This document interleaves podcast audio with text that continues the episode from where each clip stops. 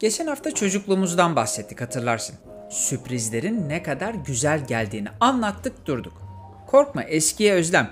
Ne bileyim bir geçmiş gün romantizmi yapacak değilim. Zaten hep söylüyorum beni tanıdın artık. Böyle bir yapım hiçbir zaman olmadı. Umuyorum ki hayatımın kalan günlerinde de böyle olmayacak. Biraz trollüğüm var tabi. Biraz da klişeleri olan bir merakım. Mesela bir hayalim var. Emekli olduğum zaman her şeyi satıp Ege'de bir üzüm bağı almak gibi.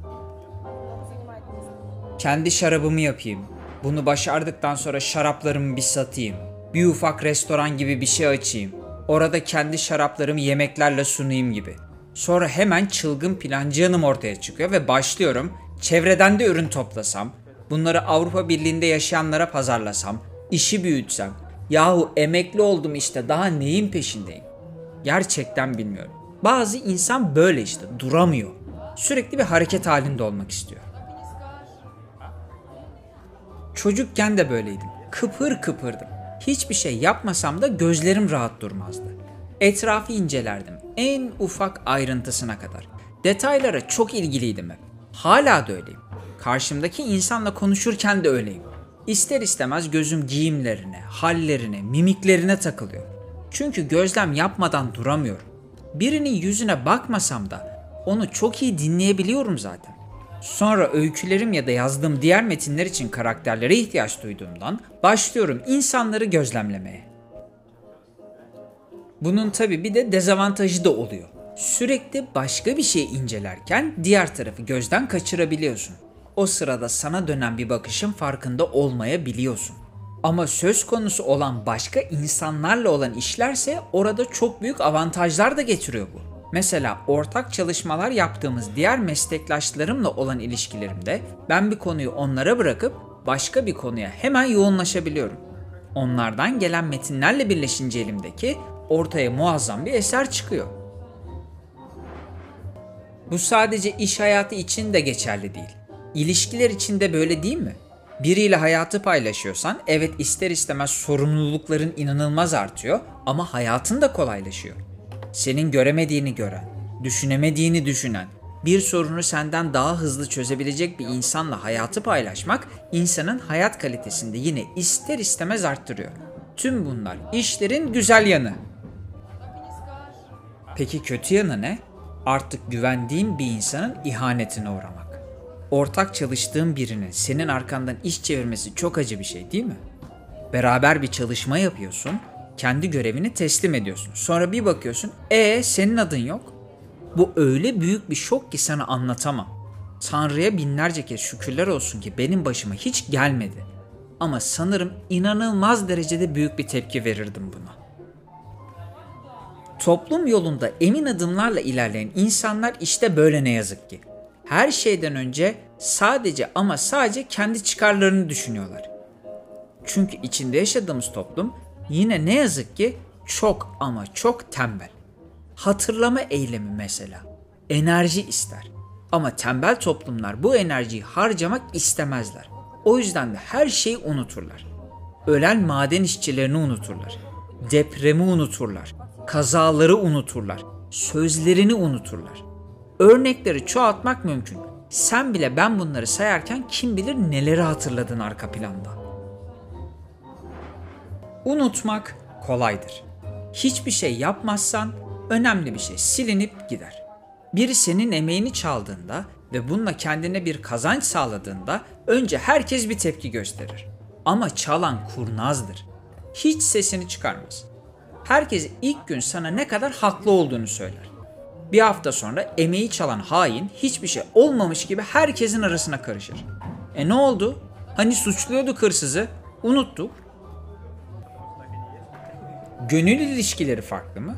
Asla. Sen onlarca zaman emek verirsin, üzerine titrersin, her şeyini düşünürsün. Sonra bu kişiler hiçbir şeyde hataları yokmuş gibi seni olmayacak şeylerle, hatta hatta asla söylemediğin ve yapmadığın şeylerle suçlarlar ve giderler. O saatten sonra yine aynı toplum sana bir zaman destek verir. Sonra da unutur gider. Bak sana uç bir örnek vereyim. Yer mekan hiç önemli değil. Beraber çalıştığım bir kişi çok sevdiği kız arkadaşı tarafından aldatıldı ve terk edildi. Sonrası süreci tahmin edebilirsin. Neyse bir şekilde toparladı. Biz de toparladık ve işimize gücümüze devam ettik. Sonra bu eski kız arkadaşının başka biriyle ve evet tahmin edeceğin üzere arkadaşımızı aldattığı kişiyle kısa bir süre sonra evleneceğini öğrendik. O çalışma ortamından o düğüne gitmeyen sadece 3 ya da 4 kişiydik. 20 kişilik bir ofis katının sadece 3 ya da 4 tanesi o gün ofislerindeydi. Çünkü toplum yolundan gidenler böyledir. İhanet edenler de kendi içlerinden çıktığı için kendi saflarından olanın yanında durmaktan çekinmezler ya da unutmuşlardır. Hani ölen maden işçileri için unutursak kalbimiz kurusun diyenler vardı hatırlar mısın? Ama sizlerin kalbi zaten kuru. Siz ihanet edenin yanında bu yüzden duruyorsunuz. Hep söylediğim gibi ben doğru bildiğim yolda yürümekten asla çekinmedim. Gerekirse o düğüne aldatılan çocuk da gitse ben yine gitmezdim. Ha zaten imkanım olsa kendiminki de dahil olmak üzere hiçbir düğüne gitmek istemem ama o düğüne asla gitmezdim. Benimki bir tavır. Aldatan, kandıran ve yüzüstü bırakan kalbi kurumuşlara bir tavır. Amerika'da öğrendiğim ve aşık olduğum bir söz var. Çok affedersin ama arkanla ödeyemeyeceğin çeki ağzınla kesme diye. Kaba olabilir ama çok etkili bir söz. Aynı kalbi kuru olanların bir şey unuttuklarında kalplerinin kurumasını diledikleri gibi. Ey kendi yolunda emin adımlarla yürüyen sevgili dostum. Umarım ki sen bu hayatta asla aldatılmazsın. Ama biliyorum ki bu mümkün ve yine biliyorum ki sen böyle değilsin ama asla ama asla bak altını çiziyorum asla unutma. İntikam al demiyorum sakın. Çünkü böyle bir eylem ancak kendi onuruna zarar verir. Kendi yolunda olan olmak kapıyı çekip giden olmaktır. Bir kişiye verilebilecek en büyük ders onun varlığını umursamadığını göstermektir. Hayat kısa vadede yaşanmıyor.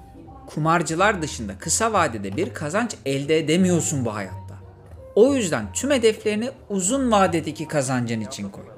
Çünkü yine bu hayat yolculuğunda göreceksin ki varlığını hayatından çıkardığın kişiler bir süre sonra kapını tekrar çalmaya başlayacaklar. Seninle yine çalışmak isteyecekler. Seninle yeniden yaşamak isteyecekler. Yani seninle yeniden bir şeyler paylaşmak isteyecekler.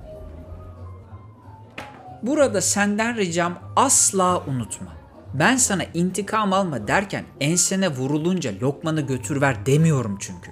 Yine Amerikan dizilerinden hayatımıza giren bir deyim. Bir kez aldatan her zaman aldatır. Bunu asla unutma. Kendine sık sık tekrar et. Çünkü o kapıyı bir kez daha açarsan yine senin suratına çok acı bir şekilde çarparlar. Bunun aksi mümkün değil mi? Bence değil. O kapıyı senin suratına ikinci kez çarpmayacak olanlar zaten ilk seferinde de bunu yapmazlardı değil mi? Yine çocukluğumuza dönecek olursak hangi elimde var diye sorup iki elinde de çikolata olmayan birinin sana güldüğü o anı asla unutma. Böyle bir an yaşamadıysan da bilinçaltına böyle bir şey yaşamışsın gibi yerleştir. Ve o elleri bir daha asla tutma. Kendi yolunda olmak bazen elleri cebinde olan olmaktır.